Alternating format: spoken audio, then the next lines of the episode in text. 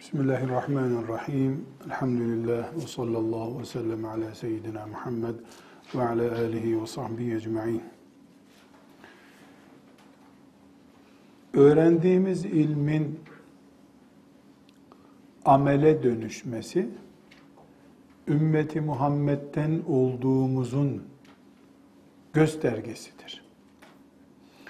Ne demiştik İbn Kesir'den naklederek? Hristiyanlar bilgisizce dindar olmaya çalıştılar. Yahudiler de bildiklerini amele dökmeyerek dindar olmaya çalıştılar.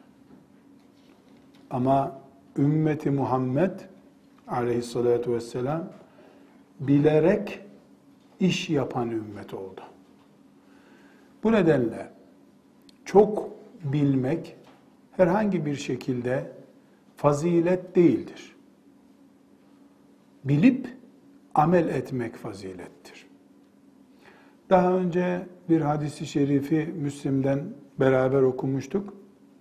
Kıyamet günü cehenneme ilk atılacaklardan bir tanesi çok bilmiş ama Allah için amel etmemiş kimseydi. Şöyle diyebiliriz. İlim eğer pratiğe dökülmezse yani uygulanmazsa ilim nimetiyle Allah'ın nimetlendirdiği birisi o ilmin gereklerini yapmazsa, onun üzerinde, bedeninde, konuşmasında, tavırlarında ilmin etkisi görülmezse o tıpkı Allah'ın verdiği akılla iman etmediği için cehenneme girecek birisi gibidir. Nasıl aklı iman için kullanmak gerekiyor da kullanmazsan vebale giriyorsun. Bedeni namaz için, cihad için kullanmak gerekiyor da kullanmıyorsan cehenneme giriyorsun. İlmi de pratiğe dökmen gerekiyorsa onu yapman lazım. Aksi takdirde ilim yüzünden cehenneme girebilir insan. Maazallah. O zaman biz diyebiliriz ki ilim de bir tür esbabi tuğyandandır. Yani insanı azdıran şeylerdendir. Allah'ın şeriatına göre yaşamamak azmaktır. İnsanın haddini aşmasıdır. O zaman bizim için kural şudur. Biz bilmişlik için veya sanat için, hobi için asla öğrenmeyiz amel etmek için öğreniriz. Bu amel tefsir öğreniriz, fıkıh öğreniriz, hadis öğreniriz vesaire ne öğreniyorsak o öğrendiğimiz şeyin muktezası neyse onu yapmaktır. Hadis öğrendiysek bu hadiste Peygamber aleyhisselam Efendimizin diğer peygamberlere olan bağını anlatıyorsa demek ki peygamberlere iman konusunda bizi takviye edecek demektir. E bu cennet cehennemi anlatıyorsa cennet cehennem e, imanımızla ilgili bir takviye almış olmamız demektir. Fıkıh meselelerinden bir mesele öğretiyorsa çok kolay. O zaman öğrendiğimiz bilgi bizi fıkıhta filan konuyla amel etmeye götürecek demektir. Şimdi çok iyi anlayacağımız bir örnek vereyim. Başlığımız ne? İlmi amele dönüştürmek. Buna Türkçe günlük deyimle teoriden pratiğe geçmek de diyebiliriz. İlim bir teoridir. Ee, kurallar öğreniyorsun. Şimdi bakınız. Ee, bir Müslümanın 24 saatli sabah namazıyla başlar. Yatsı namazıyla biter. Ve en son kıldığımız namaz da bizim vitirdir. Vitir namazı da son namazdır. Ondan sonra sabah namazı gelecek artık. Yani yatsının gerek yatsıdan sonra kırıldığında gerekse nafile olarak geceye ertelendiğinde vitir son namazdır. Son vitir, son namaz, onun son rekatı, üçüncü rekatte ne yaparız farklı olarak? Kunut okuruz. Kunut. Bu kunut dualarında Allahümme iyyâke na'budu ve leke nusalli ve nescud Allahümme inna nesta'inuke ve nestağfirke diye okuduğumuz dualara kunut duaları diyoruz. Bu duada anlaşıldığı gibi Allahu Teala'ya hamd ediyoruz. Ee, vaadimizi yapıyoruz, mağfiretini talep ediyoruz, rahmetini talep ediyoruz Allah'ın. Ama orada bir cümle var. Her mümin hele bu kunutu bu şekilde okuyorsa, başka dualar da okuyabilir. Son bitirirken ne diyor? Ve nahla'u ve men yefcuruk. Ve nahla'u ve men yefcuruk. Ve çıkarıp atarız. Ve netruku terk ederiz. Men yefcuruk sana asi olanı. Yani facirle bir arada durmayacağım ya Rabbi deriz. Bunu her namazın ya da her vitir namazının sonunda diyoruz. Anlıyoruz, anlamıyoruz ayrı bir mesele. Ama böyle bir vaatte bulunan birisi sabahleyin Allah'ın kaderine iman etmeyen, namaz kılmayan, şu veya bu şekilde facirlerden olan birisiyle oturup kalktığında henüz dün gece ve nahla'u ve netruku men diyen biri olarak 24 saat geçmeden örnekli bir şekilde sözünü yalanlamıştır. Buna melekler ne diyorlar o zaman? Akşam ne demiştin sen diyorlar. Şimdi kiminle oturuyorsun? Konumuz vitir namazı değil, kunut da değil. Ama fıkıh öğrenen, tefsir hadis öğrenen bir Müslüman erkek veya kadın o ilmin muktezası dışında bir işe giriştiği zaman tıpkı bunun gibi oluyor. Ters yaşadığı zaman ilim onun azap nedeni demektir. Bunun için diyoruz ki ilim bizim için bizim nazarımızda veya müminin bakışında ilim uygulamak içindir. Arapça da buna dahil, fıkıh da dahil, tefsir de dahil. Biz askeri rütbe alır gibi ilimden de rütbe almak için okumaktan bir şey beklemeyiz. Bunu sadece vakit israfı görürüz. Hatta vakit israfından da öteye cehenneme girecek işlerden birisi olarak kendi kuyumuzu kazmış gibi görürüz. Nauzu billah. Şimdi konumuza geçebiliriz. İlmi amele nasıl dönüştüreceğiz? Teoriyi pratiğe nasıl dönüştüreceğiz? Elbette hanım kızlar herkes bu sorunun kendisine yönetilmesi halinde elbette uygulamak için öğreniyorum diyecektir. Uygulam belki e, meselenin şuurunda olmayan, henüz yaşı genç, işte ilahiyat fakültesinde okuyan bir hanım kızımıza niye okuyorsun dediğimizde işte Diyanet'te görev almak için, öğretmen olmak için der ve çok kötü bir e, tuzağa düşmüş olur. Hadis-i şerifi hatırlıyorsunuz değil mi? Ne buyurmuş Efendimiz sallallahu aleyhi ve sellem? Kim Allah için yapılacak bir işi dünya için kullanırsa cennetin kokusunu bile koklanamaz. Ama onu biz evirir çeviririz deriz ki işte öğretmen olacak da İslam'a hizmet edecek paraya doyduktan sonra tabi. Ya da forsu bittikten sonra İslam'a hizmet edecek falan diye evirir çeviririz bunu. Ama esasen insanın ilk refleksi yani dokununcaki ilk tepkisi asıl yürekte ne olduğunu gösterir. Sonrakiler politik hep cevaplar. Niye ilahiyata gidiyorsun dediğinde öğretmen olacağım diyor. Bitti. İlim değil deme. Zaten ilahiyat fakültesi düzeyinde elde edeceği başka bir şey yok. Öğretmenlik hakkı veya işte filan makamda, filan kurumda e, maaşlı bir görevli olma hakkı. Yani fi sebilillah ömür Allah'a adanmış bir ömür sahibi olma arzusu çok zor.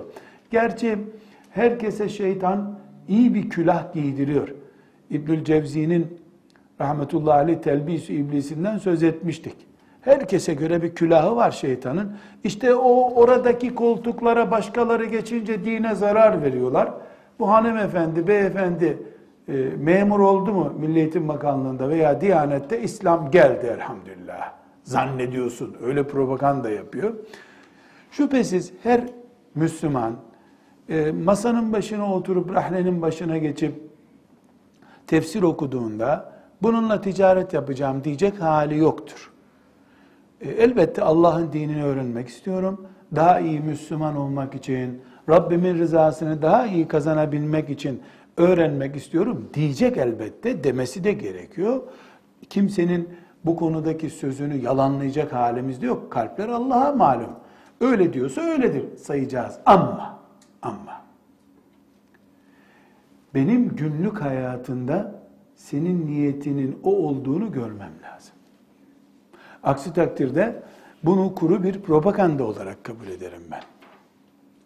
وَنَخْلَعُ وَنَتْرُكُ مَنْ يَفْجُرُكْ deyip de facirlerle aynı masaya oturursan melekler sana nasıl inansınlar? Sen namazda وَنَخْلَعُ وَنَتْرُكُ namazdan çıkınca neclisu ve nesterihu. Böyle değil. Bu sebeple günlük hayatımızda öğrendiğimiz Allah'ın dinine ait ilimleri pratik bir şekilde uygulama amacımız olduğunu gösteren işaretler var. Bu işaretler üzerinden hem çevremizi izleyebiliriz. Niye ilim öğreniyorlar diye hem de kendi kendimizi test edebiliriz. Neden ilim öğreniyorum ben? Kendi kendimi de aldatmış olabilir miyim? Olabilirim tabi. Çünkü şeytan belli bir noktayı geçinceye kadar e, sen aslında Allah yolundasın canım. Sen olmasan din ortada kalacaktı diye inandırabilir. Ama kendi kendimizde test edebiliriz. Tıpkı ben çok güçlüyüm diye elini kaldırabilir bir insan ama haydi bilek güreşine dediğinde bu sözün ne kadar doğru olduğu ortaya çıkacak. Ben Allah için öğreniyorum ve her ilmimden de petrol gibi üretim yapacağım diyebiliriz. Bunu günlük hayatta uygulayacağız. Biz ilim planını zaten konuşmuştuk.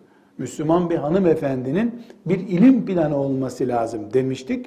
O planın üzerinde madde madde konuştuk. Şimdi bunu günlük hayatta nasıl izleyeceğim ben? Yani ben derken kendim açısından bir hanımefendi de kendisi açısından 20-25 yaşında bir hanımefendi ilim yolunda belki de e, genç evli bebeğini bırakıyor, geliyor ilim öğreniyor. Eşinden zorla izin alıp geliyor, babası zorla izin veriyor, geliyor. Bu kadar emek veriyorum. Acaba bu verdiğim emek değiyor mu, değmiyor mu? Ve ben gerçekten sağlıklı bir şekilde mi gidiyorum, kendi kendimi mi avutuyorum? Bunun testi yedi noktadan test yapacağız bunu. Birinci noktamız vakti ne kadar kullanacağımızı, ne kadar samimi kullandığımızı, vakti saniyelerle, dakikalarla ölçüp ölçmediğimizi test edeceğiz. Çünkü ilim ömür işi. Ömrünün kıymetini bilmeyenin fıkhı Allah için kullanması hiç doğru bir iddia değil. Kimse inandıramaz. Yalan bu. Kendi kendini kandırıyor. Sadece örnek olsun diye bir örnek vereceğim size. Yoksa gavurları örnek olarak vermek bile hoşuma gitmiyor. Ama kızlarım hepiniz bunu asla unutmayacağınız çok önemli bir örnek. Ben Suudi Arabistan'da Mekke Üniversitesi'nde okurken bir arkadaşımız Amerika'da bu NASA üssü denen yerde işte matematik bölümlerinden bir tanesinde araştırma görevlisi olma sınavlarına girdi. Cidde'de sınavları kazandı. Bir tür mülakata çağırdılar onu Amerika'ya. Kızlar çok dikkat ediniz lütfen. Bu dünyanın en zeki insanlarını toplayan ve dünyayı sömüren canavarın adı bu. NASA üstü denen yer. Ve sadece uzaya araç göndermiyor. Dünyanın en zeki insanları. Yani siz bayanlar olarak bir teflon tava kullanıyorsunuz mesela. Size göre işte yakmıyor, etmiyor teflon. Teflon tava denen şey aslında bu uzay araçlarının sürtünme ile tutuşmaması için icat edilmiş, NASA üstünde icat edilmiş bir, bir aletin veyahut da bir nesnenin adı. Sonra onların işine yaramayınca, gerek kalmayınca tava olarak bize sattılar onu. Yani bilin bu elinizdeki teknolojinin pek çoğu adamların kendi o merkezde melanet için ürettikleri şeytan zeka üssü gibi bir yer. Bu arkadaşım çok dindar, takva bir kardeşti. Bir zaman sonra bizde helallaştı. İşte ben bundan sonra Amerika'da çalışacağım, geleceğim falan diye. Bir, çok geçmeden baktım camide namazda. Gitmedin mi dedim. Gittim ama kazanamadım dedi. Niye kazanamadın dedim. Çok üstün bir matematik zekası vardı. İngilizcesi Arapçasından iyiydi. Dedi ya çok kötü yakaladılar beni dedi. Nasıl yakaladılar dedim. Çok dikkat edin. Dünyayı avucunun içinde oynatanlar önce neye dikkat etmişler? Dedi ki havaalanından beni karşıladılar. Gittim. Bir otelde misafir ettiler beni. Dediler ki biz seni çağıracağız. Ee, sen imtihana geleceksin dediler. Bir gün iki gün sonra çağırdılar. Gittim dedi. Çok lüks dev bir binaya çağırdılar. Hoş geldin. İlgi gösterdiler. Sen bayanlar vardı orada. E, bayanlar sen Müslümansın biz sana tokalaşmayalım dediler. Teşekkür ettim onlara dedi. Gavur gerekiyorsa çarşaf bile giyer. Yeter ki sen ona para ver, zekasını, zekanı o kullansın, bir sıkıntısı yok. Buraya kadar her şey güzeldi dedi. Önüme bir harita koydular dedi. Haritada dediler ki şu işaret senin kaldığın otel dediler. Evet dedim. Görüyorum haritada. Biz de şuradayız. Burayı da gördüm, gördük dediler. Dikkat edersen bu haritada dört tane yol var veya üç tane onu tam hatırlamıyorum. Otelden buraya gelmen için. Haritadan inceler misin? Hangi yolu gelmeyi tercih edersin diye. Bir baktım dedi. Gözde belli oluyor. Bir tanesi işte 10 kilometre görünüyor. Bir tanesi 15-20 kilometre görünüyor. Öbürü daha uzun görünüyor. Hemen dedi hiç hesap etmeden böyle elimle gösterdim. Bu yol çok güzel dedim diyor. Teşekkür ettiler diyor. Ayağını uzatır mısın dediler diyor. Ayağımı uzattım. Çıkabilirsin dediler diyor. Çıktım. 5-10 dakika sonra orada beni müdürler, bilim adamları karşıladı. 5-10 dakika sonra kapıcı gibi biri geldi. Bir dakika içeri gelir misin dedi. Başka bir odaya aldılar beni. Siz Suudi Arabistan'a geri döneceksiniz. Teşekkür ederiz dediler dedi. Niye beni almadınız demiş. Bilemiyorum demiş. Kağıtta öyle yazıyor. Rica etsem birisiyle görüşsem falan başka bir kapıcıya sevk ettiler beni dedi. Gittim.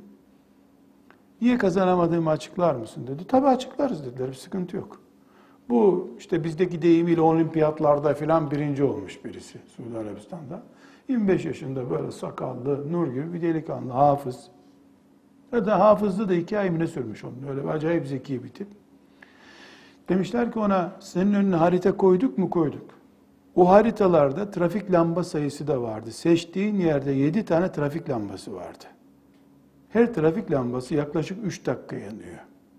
Sen kısa yol diye lambaları hesap etmeden, onu öbür yol 15 kilometreydi ama hiç frene basmadan gelecektin. Tam 5 dakika önce burada olacaktın. Lambaları hesap etmemişsin sen. Senin hayatın değersiz. Biz bir saniye geç giderse bir aracımız uzaya helak oluruz, patlar orada. Saniyeleri hesap edemiyorsun sen demişler. Ayağıma niye baktınız demiş. Bağlı ayakkabı giyiyorsun demişler. Sabah ve akşam onları çözmeyecek misin yatarken demişler. E çözeceğim demiş. Onlar bir sabah bir akşam bağlayıp çözüyorlar tabi. Halbuki o beş defa çözüyor. Bir ayakkabı bağlamak yaklaşık bir dakika. Günde iki dakikanı acımıyorsun sen demişler. Nasıl filmim hanım ablalar? يَعْلَمُونَ ظَاهِرًا مِنَ الْحَيَاتِ الدُّنْيَا Kafirler dünyanın kurallarını iyi bilirler Allah buyuruyor. İyi bildikleri için de dünya ellerinde oluyor. Selahaddin de o kuralları uygulayınca kainat kanunlarını, dünya kanunlarını uygulayınca onların ayakkabısını kendi ayakkabısı gibi kullandı. Yani düğmelemeyecek ayakkabı giydi. Meselemiz ayakkabı düğmelemek, ışıklı yoldan gidip gitmemek meselesi değil. Kime Allah başarı veriyor onu görmek istiyoruz. Şimdi hanımefendiler, Siyonist miyonist bizi sömürüyor ama adamlar 10 saniyenin hesabını yapıyorlar. Benim kızlarım, ablalarım da çekirdek partisine 2 saat ayırıyorlar. Ama melun İsrail gene saldırmış diye çok güzel de sinirleniyorlar. Fıkıh öğrenecek. İnşallah 20 sene sonra hilafet geldiğinde Şeyhül İslam bir bayandan olsun ne olur diye bir heyecan taşıyor ama fıkıh kitabını okumaya başladığında müthiş bir uykuyla uyuyor. Allah'ım cep telefonuyla nasılsın muhabbeti başladı mı hiç uykusu gelmiyor. Gece 3'te de arayabilirsin. Yeter ki cep telefonuyla görürsün. Vaktini zayi edene Allah'ın hiçbir borcu yoktur. Kanun bu. Ve her mümin vaktinin hesabını kıyamet günü verecek. Ne diyor hadis-i şerif? İşte şu şu işler hesabı sorulmadan kimse ayağını kıpırdamayacak. Bir tanesi de ömrünü fîme efneyt. Nerede harcadın ömrünü? Saniyeler, dakikalar. Mümin genelde vakit israfçısı değildir. Ama ilim talebesi ilmini pratiğe dönüştürecek hanımefendi o vaktinin delisidir. Saniyelerinin delisidir. Aksi takdirde önüne konan haritadan yol bulamaz. Hanım kızlarım, ikinci olarak da neyin ikincisi? Amele dönüşmüş ilim sürecinde miyiz, değil miyiz? Bunu ölçeceğimiz ikinci sürecimizde enerji ve birikimimizi nasıl kullandığımızdan ölçülecektir. Herkesin bir enerjisi var. Herkesin bir birikimi var. Bu enerjimiz, birikimimiz akıl olur, para olur vesaire. Bunları nasıl carcur ediyorsun? Nasıl harcıyorsun? 5 metre kumaş aldın. Bundan kendine ferace dikeceksin. Bunu ortadan ikiye böleyim eşit olsun mu diyorsun? Dörde böleyim tam eşit olsun diyor musun? Sekize katlayıp şöyle sekize güzel katlayıp kes bakalım bıçakla sonra dikeriz bunu oluyor mu? Sonra bir daha o işe yarıyor mu? Yoksa 40 kere ölçüp bir kere mi kesiyorsun? Ömrümüz kumaştan değersiz mi bizim? Enerjimiz kumaştan değersiz mi bizim? Birikimimiz kumaştan değersiz mi bizim? Ve en önemli, en önemli güç ve enerji, enerjimiz ve birikimimiz, gücümüz açısından en önemli beş şeyi sayıyorum. Birincisi arkadaş ilişkisidir. Sen arkadaş carcur ediyor musun? Üç senedir şu kadar zamandır beraber aynı masada fıkıh öğrendiğin arkadaşın senin gözünde annenden beraber doğduğunuz bir ikiz kardeşin gibi olabiliyor mu? Elbette öyle. Ama yeter ki bana hıyanet etmesin yoksa affetmem ha mı diyorsun? Arkadaşa katlanmak ne demek? Sıkıntısıyla kabul etmek demek onu. Hiç sıkıntısız Melekler bize bir dert olduğu yok. Valla etrafımda bir milyar melek olsa ne olacak? Nasıl olsa benim ayakkabımı giyip kaçmıyorlar. Benim çikolatamı da almıyor melekler. İsterse 5 trilyon melek olsun etrafımda. Rahatsız, meleklerden rahatsız olanı duydunuz mu hiç? Ama önündeki çikolatanın yarısını alan arkadaştan rahatsız oluyor insan. Ya tam ben bilgisayarla şu konuya bakıyordum. Versene ben de filan konucuya bakıp diye sinirini bozan bir arkadaş önemli dertlerine katlandığın zaman arkadaşın adı arkadaştır. Hele ilim arkadaşı, hele ilim yolundaki arkadaş var ya, o senin e, aç kalmana da neden olsa arkadaşlık uğruna, ilim arkadaşıyız biz. Beraber Allah'a gidiyoruz. Bu hac arkadaşlığından daha değerli. Hac arkadaşlığı bir ay bilemedin, olsun iki ay. Ama biz ilim yolunda e, men seleke tarikan yeltemisu fi ilmen sehhelallahu lehu tarikan ilel cenne hadisini hatırlıyoruz değil mi? İlim yoluna girdik, cennette mola vereceğiz inşallah. Evleneceğiz, senin eşin filan kıtaya gidecek, benim eşim filan kıtaya gidecek. Cennette buluşmak üzere biz hep beraberiz inşallah diyeceğiz. Arkadaş carcur ediyor musun? Çok önemli bu. Çünkü bir insanın kardeşi, arkadaşı, ilim yoldaşı onun en güçlü moral kaynağıdır. Desteğidir. Onu harcayan birisi ilmi pratiğe dönüştürmekte zorlanacak demektir. İkinci olarak gençliktir. Gençlik. Ne demek gençlik? Ne demek gençlik? Yani bir insanın 35 yaşında ki kimliği evet olgundur, birikimi fazladır. Asla 25 yaşındaki gibi değildir. Asla 25 yaşı 15 yaşındaki gibi değildir. Sizin evde kullandığınız porselen güçlü iyi tabaklar bile ilk alındığı gün gibi parlak kalıyor mu 5 sene sonra? 20 sene sonra tabak belli olmuyor mu bunda 20 senedir yemek yendiği? Tencereyi ister odun kaşıkla karıştır, istersen pompa ile karıştır. Adı tencere değil mi? Kullanılmış olduğu anlaşılıyor. Beyin de öyle.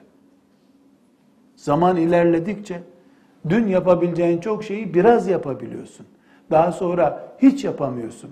Onun için gençlik talebenin ki genç biz 15 e, yaşından 40 yaşına kadar herkese genç diyoruz. Biraz iri genç oluyor 30 yaşından sonra ama genç gene. 40 yaşından sonra dönemeç öbür tarafa doğru kayıyor artık. Bir e, ilim talebesinin 20 yaşlarının kıymetini bilmesi Kabe'nin kıymetini bilmesi gibidir. Nasıl hacca giden Kabe'nin taşına, toprağına neyle bulursa sarılıyor. E, öyle olması lazım tabi. Senin Kabe'n de ilim. Medresede ilim Kabe'n. Gençlik de o Kabe'nin e, en fazla senin bağrına basabileceğin görünen şeklidir. Gençlik konusundaki tutumun. Evet, bu şu demek değil. Gençsin, hiç çikolata yemeyeceksin, hiç piknik yapmayacaksın. Asla öyle değil. Ravvuhu anfusekum sa'aten fesa'aten. Kendinizi ara sıra dinlendirin. Ara sıra dinlendirin. Mesela burada biz iki ay yoğun bir ders yapıyoruz.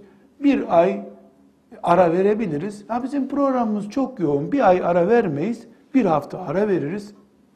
Gideriz dağ yerindeki bir kamp yerimizde oturur. Hem dinleniriz hem imtihana hazırlanırız. Mümkündür. Yani esir değiliz biz ama ciddiyiz. Ciddiyiz. Uyumayacağız diye bir şey yok. Uyumasan bir altı ay sonra zaten delirirsin. Uyuyacağız. Ama 7 saatten fazla uyumayacağız. Vaktinde yatıp vaktinde kalkacağız. Yemekten önce unlu mamul, yağlı mamul yemeyeceğiz ki uykumuzu zehir etmesin bize. Yoksa hiçbirimiz esir değiliz. İlme karşı ciddiyiz. O kadar. Üçüncüsü bir ilim talebesinin en önemli heyecanı, koruması gereken birikimi maldır. Mal müsrifi, evet malını israf ediyor, velev ki helalde harcıyor. Yani babam çok harçlık veriyor, ben de bunu harcadım. Cep telefonunun 100 liralığı vardı, 800 liralığını aldım. Günah mı? Değil. Baban zenginse değil. Ama şu var. Çok mal harcama tutkunu istese de ilmin gereklerini yapmaya vakit bulamaz. Çünkü mala olan tutkunluk beraberinde dünyaya açılmayı getiriyor. İlimse dünyaya açılma, dünya sana gelsin diyor. O yüzden mal üzerinden de bir talebenin pratiğe dönüşmüş ilim sahibi olup olmayacağını anlayabiliriz. Dördüncü olarak da çevre dağıtıyor mu dağıtmıyor mu? Bir ilim arkadaşı var dedik. Bir de çevresi, kendisinin çevresi. Kimdir çevresi? Anne, baba. Ondan sonra sıraya göre akrabalar. Ondan sonra hocalar. Hocalar. Hocadan ilk Nurul İzah okuduğun zaman İmam-ı Azam'dı o hoca mübarek. Sonra sen de Nurul İzah okutacak hale geldin. Elhamdülillah. Sen Nurul İzah okurken Hoca Efendi Hazretleri diyordun. Nurul İzah okutmaya sen başlayınca bizim hoca dedi ki oluyor. Bizim hoca dedi ki. Sonra sen bir de Fethül Kadir'den de bir şeyler okumaya başlayınca, İbn Kesir tefsiri okumaya başlayınca hoca dedi ki bizim de kalktı oradan bu sefer. Ne oluyor? Çevre dağıtıyorsun sen.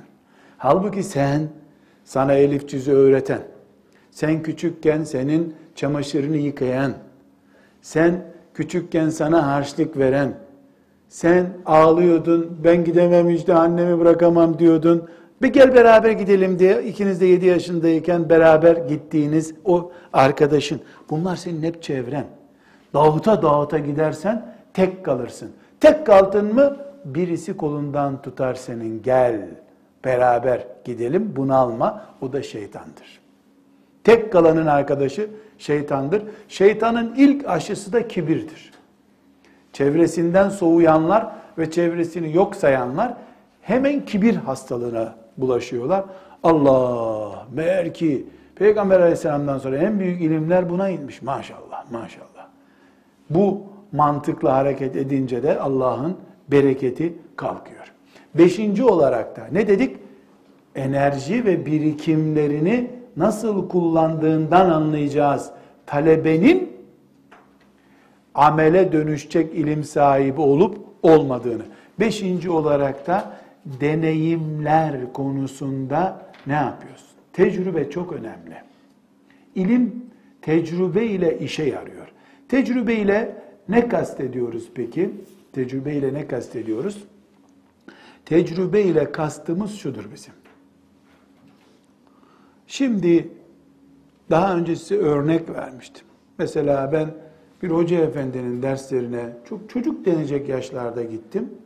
Ama onun 3 saat sabah namazından sonra heyecan ve ihlasla, ashab-ı kiram heyecanıyla konuşmalarından kendime bir deneyim çıkardım.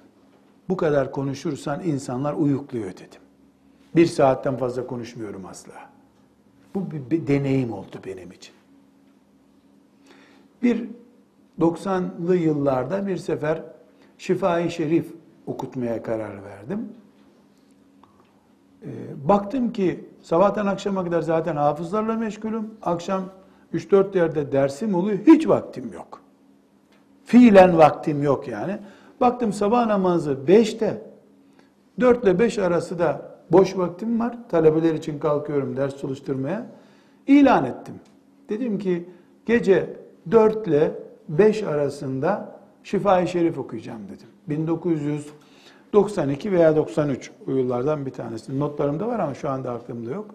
Emin Saraç hocam sellemehullah o da Şifa-i Şerif okutuyordu pazar günü sabah namazından sonra. O da duydu bir yerden bunu. Dedi ki Nurattin yavrum yapma böyle dedi. İnsanların bir uykusu var dedi. Senin dedi alimlik heybetin bozulur dedi. Üç gün beş gün gelirler. Üç gün sonra gelmezler moralin kırılır soğursun dedi. Ben de dedim hocam dedim. Onlar bana yalvardılar dedim. Hiçbir vaktim olmadığını biliyorlar. Hiç uyumayız gece merak etme dediler dedi. Böyle dediler bana dedim. Dedi ki ya insan uyanıkken öyle söz verir ama uyuduğunda vazgeçer o sözden dedi. Yok hocam onlar gelirler dedi. Ey sen bilirsin dedi. Gece dörtte hakikaten başladım. Bir 30 kişi oldu ertesi gün. Gece 4 Şifa-i Şerif okutuyorum. Notlarım falan duruyor hala. Hazırlanıyorum ben. İşte gece 3'te kalkıyorum. Hazırlanıyorum derse falan. Zor Şifa-i Şerif okumak zor bayağı. Şimdiki gibi böyle bir şerhi falan da yok Türkçe. 2-3 tane şerhi var. O şerhleri okuyorum. Notlar tutuyorum. Onlara göre Arapça notlarımı tutuyorum. Derse geçiyorum. Dörtte. 30 kişi, öbür gün 30 kişi, bir de baktım 50 kişi oldular 3 gün sonra. Herkes duymuş Nur da Şifa-i Şerif okutuyor. Kızlarım tam 7. gününde 4 kişi kaldılar. Ben de dedim ki pazara rastladı. İnsanlar hakikaten pazar günü gelmezdi. Hiç hocam aklıma gelmedi. Pazartesi oldu gene dört. Salı günü, dokuzuncu gündü zannediyorum. Pazartesi başlamıştım çünkü. Salı günü katılanlardan biri dedi ki hocam dedi bizim dedi evde rahatsızlık vardı ben bir iki gün gelemeyeceğim dedi. Biri daha dedi ki hocam ben de çok zorlanıyorum dedi. Ben dedi kış aylarında gelirim dedi. E siz bilirsiniz dedim. Öbür gün iki kişi kaldı. Onda da fena moralim kırıldı. Katladım şifa şerifi filan kütüphaneye koydum. Gittim hocamın elini öptüm. Helallik istedim ondan. Bu benim için birikim oldu. İnsanların uykusuyla oynamamak lazım. Çünkü uyku fıtri bir ihtiyaç. Koltuk değil ki at bunu deyince atsın. Birikimleri kullanmak lazım. O zamandan bu zamana geceye karşı hassasiyetim farklı. Şimdi yaşlandım belki öyle bir ders yapamam ama imkanım olsa da kimseye gece dörtte ders sözü vermem. Niye? Benim için bir deneyim oldu. Eğer bu deneyimi kullanmazsam ben hep ömrüm böyle aldanarak geçecek o zaman. Ama bir kere bu tuzağa düştüm. Evet ben sevabımı kazandım Allah'ın izniyle. Muhteşem bir ders yapıyordum. Yani bir keresinde farza durulmuş yanı başımız cami. ikinci rekata geçirmiş biz hala şifa okuyoruz. Farzın sonuna zor yetiştik. Sünnette kılamadık. Yani öyle bir heyecanlı da ders yapıyorum. Kimi heyecanlanıyor, ağlıyor derste filan derken ama uyuklamaya da engel olamıyorsun. Ağlaya ağlaya uyuyor adam bebek gibi. Bir şey yapılamıyor. Yani bu hep böyle uykuyla ilgili değil.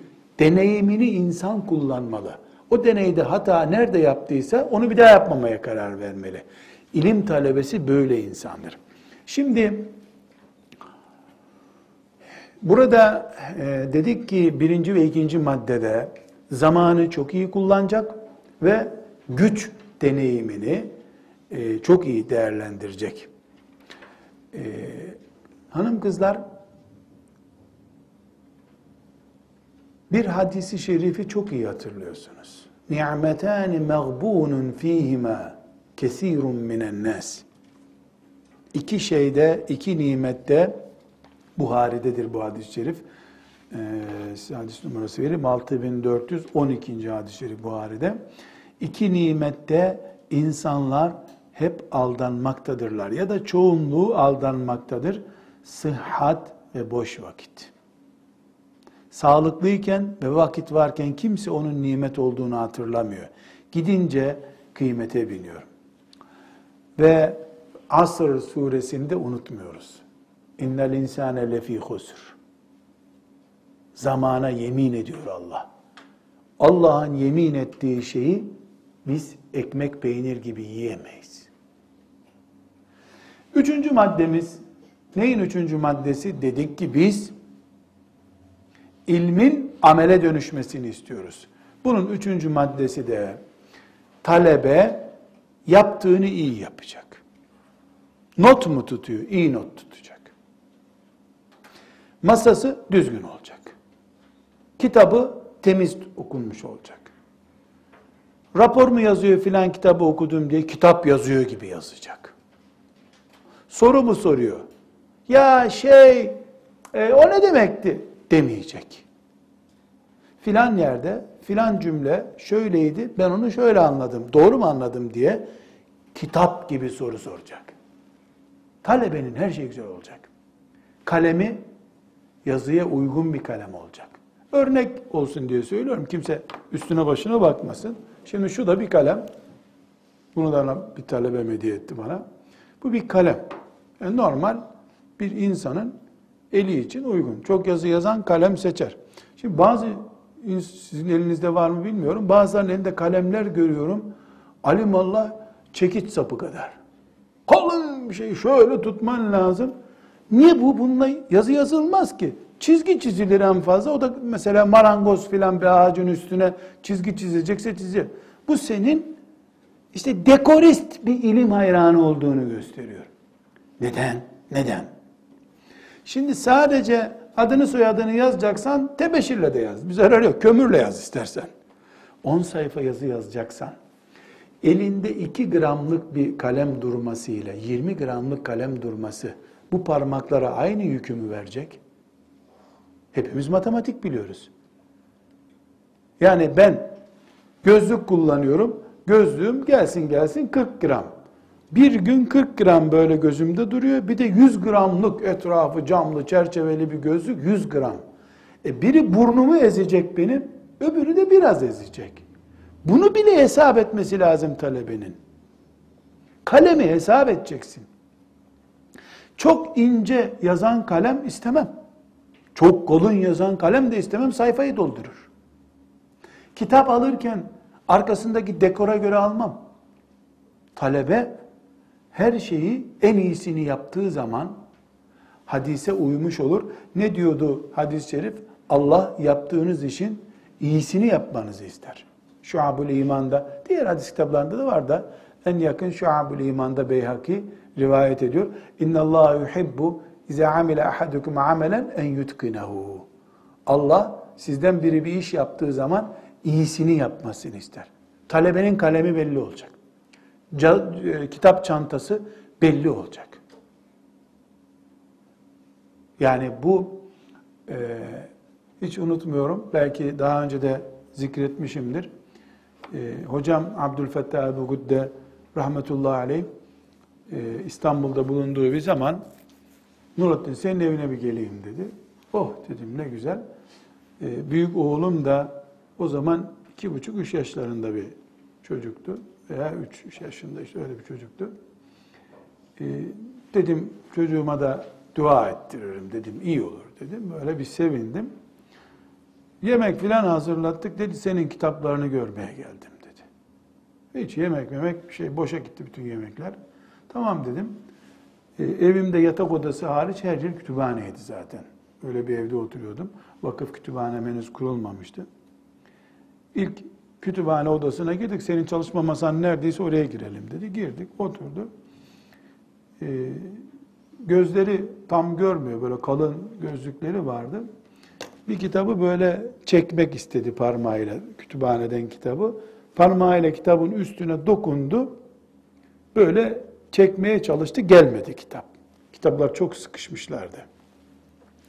Benim kucağımda da o zaman bir çocuğum vardı. Oğlum Sadullah. İşte 3 yaşında.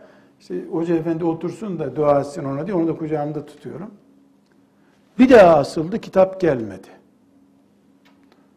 Dedi ki, Nurettin, buyur hocam dedim. O çocuğu böyle sıkıyor musun kucağında dedi. Sıkıyor musun dedi. Bunlar çocuktan değersiz mi bu kitaplar? Nasıl rahatsız etmişsin bunları böyle dedi. Olmaz. Bırak çocuğu düzelt bunu dedi. Bıraktım çocuğu yere. İki elimle açtım. O aradan bir tanesini çıkar. Bak incittin kitabı dedi. İncittin kitabı dedi. Rahmetullahi aleyh. Aldı baktı. Ha bu bende varmış dedi. Koy yerine dedi. Kızlar eh, talebe işte. Rahmetullahi aleyh. Talebe. Ben 11 çocuğu vardı hocamın. Yani çocuk kıymetsiz böyle bir batı kafalı biri değildi. 11 çocuğu var. 3 oğlu ve 8 kızı vardı hocamın. Allah rahmet eylesin. Ve gurbetlerde yaşamış çocuk kıymeti bilen birisiydi. Yani benim kucağımdaki çocuğu hor görmek için öyle demedi. Ben adım soyadım gibi biliyorum. Ama başka bir örnek veremezdi bana. Çünkü ben çok şirin tutuyordum çocuğu böyle. Bir de böyle yani alsana bu çocuğu, dua etsene der gibi tutuyordum. Onunla kıyas etti o arada. Onu öyle mi tutuyorsun dedi. Bu kitapları niye sıkıştırdın böyle. Sonra bu bahsettiğim olay el yazısıyla onun o evimi ziyaret ettiğine dair hatırat da var. Geldik, ziyaret ettik Nurattin'in kütüphanesine. Üzüldüğümü anladı. Ee, sonra çok dualar etti bana. Dedi, ya biliyorum ama dedi işte yerin dar ondan böyle yapıyorsun sen falan. Böyle bir şeyler dedi beni teselli etmeye çalıştı. Ben onun üzüldüğüne üzüldüm yani. O dediği bir de öbür odamı görse yerde istif koltuk gibi diziliydi kitaplar zaten. Onu görse herhalde pataklardı beni. Rahmetullahi aleyh. Tabi bu bahsettiğim Kur'an değil kızlar, ayet değil bu. Herkes sevdasıyla yaşıyor. Gerçek bir ilim talebesi doğurduğu çocuğu gibi görüyor kitapçıdan aldığı kitabı.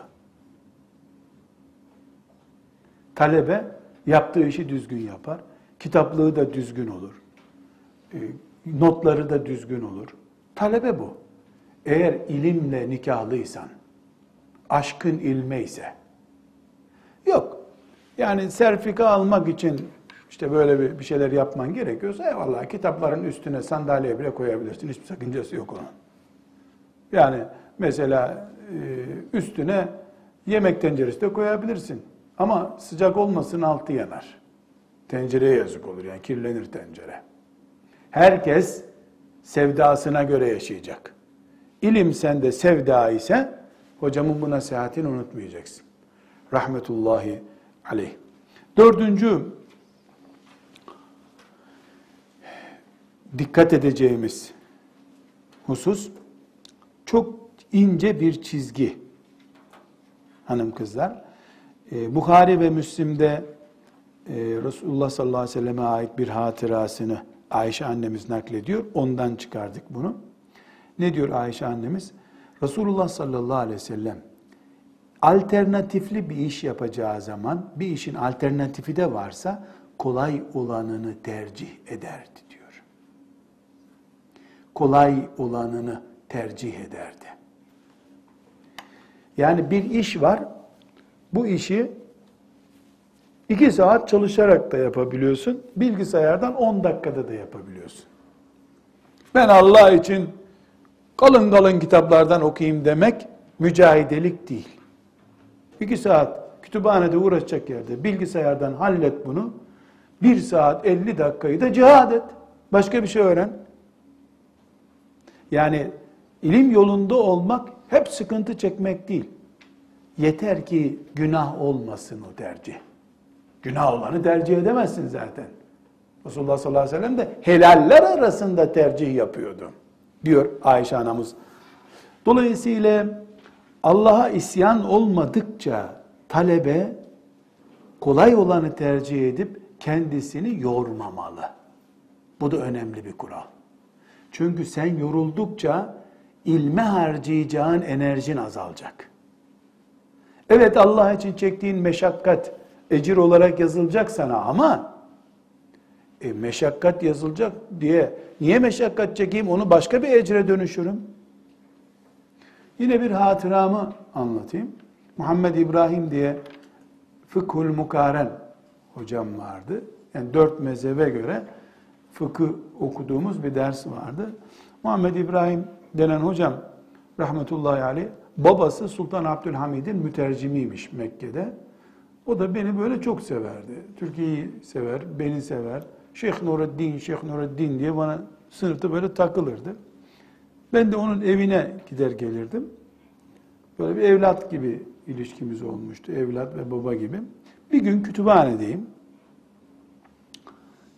Ee, bir yani kütüphane kitap satan bir kütüphanedeyim. İbni Kesir isimli tefsirin böyle cep boyu denecek kadar küçüğünü gördüm. Yani e, A5 kağıdından da biraz daha küçük. Normalde o büyük e, A3 kağıdı kadardır. Böyle büyük bir baskıdır. Yani ansiklopedi boyu diyelim bizdeki kitapların deyimiyle. Baktım çok küçük, çok hoşuma gitti. İnceliyorum da böyle nasıl güzel mi filan diye vezneye gidip alacağım onu şimdi. Arkamdan biri e, omuzuma vurdu. Döndüm baktım. E, hocam Muhammed İbrahim, Şeyh ne yapıyorsun burada dedi. Dedim hocam Gördünüz mü İbn Kesir'in bu baskısı çıkmış dedim. Ne o dedik. O gözlüklerini bir taktı baktı. İbn Kesir. Kaç yaşındasın sen dedi. 27 dedim. Şimdi mi okuyacağım bu kitabı dedi. Yok hocam dedim. E ne zaman oku? Herhalde 40 yaşında okurum dedim. Nurettin oğlum dedi. 40 yaşındaki gözlerine göre kitap al dedi. Allah rahmet eylesin. O tefsiri ben almadım tabi. Şimdi hakikaten 40 yaşından sonra her sene gözlüğüm bir numara büyüyor.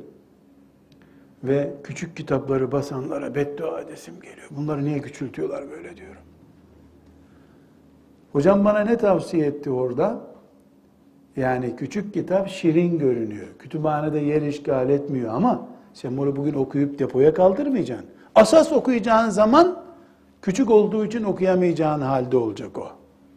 Ne yap? Menfaatine uygun olanı, büyük olsun, rahat okuyacağın zaman. Şimdi mesela e, büyük boy olan kitapları daha çok seviyorum. Bendeki bir sürü küçük boy kitabın büyük baskısını görünce hemen alıyorum onu. Çünkü büyük boydan okuduğumda iki saat, üç saat hiç okuduğumu anlamıyorum. Öbüründen yarım saat okuyamıyorum. Başım ağrımaya başlıyor. Zorlanıyorum. Yani böyle yerde düşmüş bir toplu iğneyi arar gibi okuyorsun. Buradan da ne çıkarıyoruz? Talebe dediğin haram olmadıkça kolayı tercih edecek. Hocanın da kolayını tercih edecek. Yani bir hoca esprili konuşuyor. O hocadan ders alacak. Ama kendisi de hayatta espriden hoşlanmayan biri ise bulsun haccacı ondan ders okusun. Onun da bir zararı yok. Yani herkes mizacına varıncaya kadar fıtratını zorlamadan yapacağı bir e, süreçte ilim yoluna girmeli. Beşinci kural da neyin beşinci kuralı? Talebenin pratiğe doğru koşup koşmadığını gösteren kural. Siyaseti şu olacak. Az ama sürekli. Az ama sürekli. Çünkü Buhari ve Müslim'in rivayet ettiği meşhur hadis nasıldır? Resulullah sallallahu aleyhi ve selleme göre en iyi şey az da olsa sürekli olandır. Allah'a göre. Bu ne demek oluyor talebe açısından? Pazartesi günü oturuyor 10 saat kitap okuyor. Salı, çarşamba da işine bakıyor. Bu mu güzel? Her sabah kalktığında 2 saat ders çalışıyor. Pazartesi 10 saat okuyordu. Bir günde 5 günde ikişer saatten 10 saat okuyor. Öbürü daha güzel. Öbürü hormonsuz okuyuştur. O bir günde her şeyi bitiren hormonludur. Genel siyasette de böyledir. 10 tane kız bir araya geldiniz. Hoca doğru söylüyor. Kendimizi geliştirelim. Peki e, ne yapalım? Fıkıh, tefsir, hadis, e, tarih, biraz İngilizce, biraz Japonca hemen başlayalım. Olmayacağı belli bir şey bunun. Neden? Yahu baklava, börek, peynir, zeytin, pekmez hepsini birden ağzına atıyor musun? Çöp olur bunlar. Dilim dilim. İlim de dilim dilim. Yani genel siyasetimizde böyle. Ders çalışmamızda bu şekilde olmalı. Ve altıncı kanunu talebenin feiza feragte fansab kanunudur. Feiza feragte fansab kanun budur. Ümmeti Muhammed'in kanunudur bu. Yüreği geniş insanlar kanunu diyebiliriz buna. Elem neşrah leke sadrak suresinin ayeti bu. Senin yüreğin genişlemedi mi? Genişletmedik mi? Ey peygamber. Evet ya Rab. Nasıl? Feyza feragte fansab. Ne demek? Bitirince öbür işe geç. Bitirince öbür işe geç. Makale görevin bitti mi? Okumaya. Okuma bitti, dinlemeye. Dinleme bitti, makaleye. Elbette arada abdesti çık canım namaz kılacaksın çünkü. Feyza feragte fansab. Feyza feragte fansab. Kanun. Bu ümmeti Muhammed'in kanunu.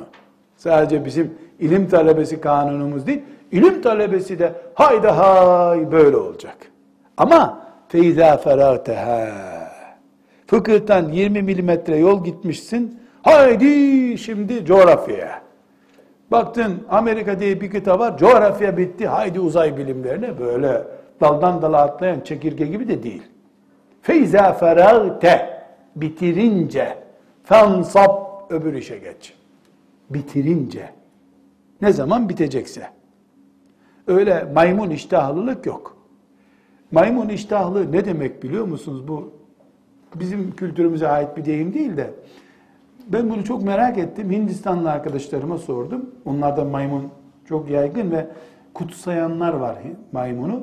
Kendim de gördüm yollarda böyle kedi köpek gibi dolaşıyorlar. İnek, maymun, her şey serbest. Dolaşıyorlar. Dediler ki şimdi maymunu müzeye koymak için canlı yakalamak çok zor ormanda. Büyük damacana var ya, damacananın daha büyüğünü düşün camdan. İçini ceviz dolduruyorlar. Maymun da o büyük Hindistan cevizini çok seviyor. İçini ceviz dolduruyorlar. Maymun ormanda dolaşırken aa yüzlerce ceviz bir arada bakıyor. Çok hoşuna gidiyor.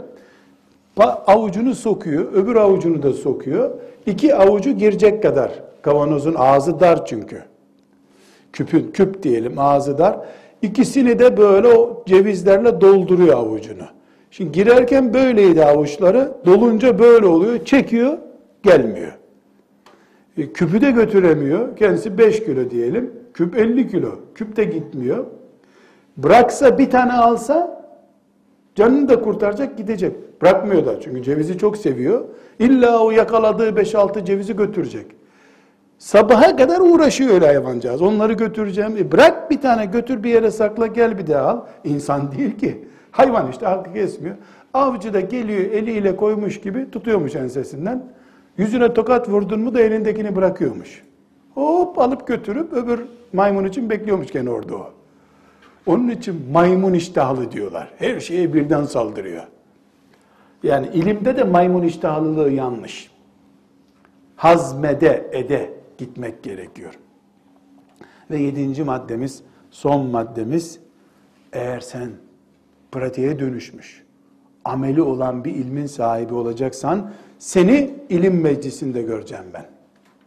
Neredesin dediğimde telefonda, şu anda ilim meclisinde bir yer söyleyeceksin. Bir arkadaşım dedi ki, birisiyle randevuleştik dedi. Baktım randevu saatinde yok. Telefon ettim. Neredesin? Geliyorum abi dedi yoldayım dedi. Arabadayım dedi. Basla kornaya bakayım dedi madem arabadasın. Adam evde olduğu için kornaya da basamamış. Böylece yalancı olduğu anlaşılmış. Şimdi yani ilim meclisindeyim diye kornaya basamayacağın yerler ilim meclisi deme. Kendini aldatma. Ben seni telefonda aradım. Kızım neredesin şimdi dedi. Hocam uyuyoruz. Bitti. Ha, müzakere yapıyoruz. Notlarımı tutuyorum. Notlarımı temize çekiyorum. Aradığımda ilim meclisinde olacaksın. Gece 12'de kimse kimseyi aramayacak nasıl olsa. Ama gündüz arandığında ilim meclisinde olacaksın. Arandığında alim gibilerle beraber olduğun görülecek. Tipin onlar olacak. Ve arandığında da sen amel edenlerle beraber olduğun olacak. Kuru akademik kimliği olanlarla beraber olmanın bir yararı yok. Ve ruhun da cesedin de ilim yolunda olacak. Sadece ruhunla gelsen hayalet gibi dolaşırsın. Sadece cesedinle gelsen de ruhunu getirmesen meleklerden ayrı yaşadığın için yine bereketsiz bir ilim yuvasında olursun. Her halükarda hanım kızlar bizde ilim amel içindir. Gerisi şeytan ilmidir. Hiçbir işe yaramaz. Bunu da nasıl pratiğe dökeceğimizi şöyle e, çevresel bir örneklerle görmüş olduk. Böylece e, ilmin kadınla, müminle ilişkisi üzerine kurmuş olduğumuz bu derslerde burada bitmiş oldu. Şimdi artık yavaş yavaş kadının fıkhına doğru geçiş yapacağız inşallah. Velhamdülillahi Rabbil alemin.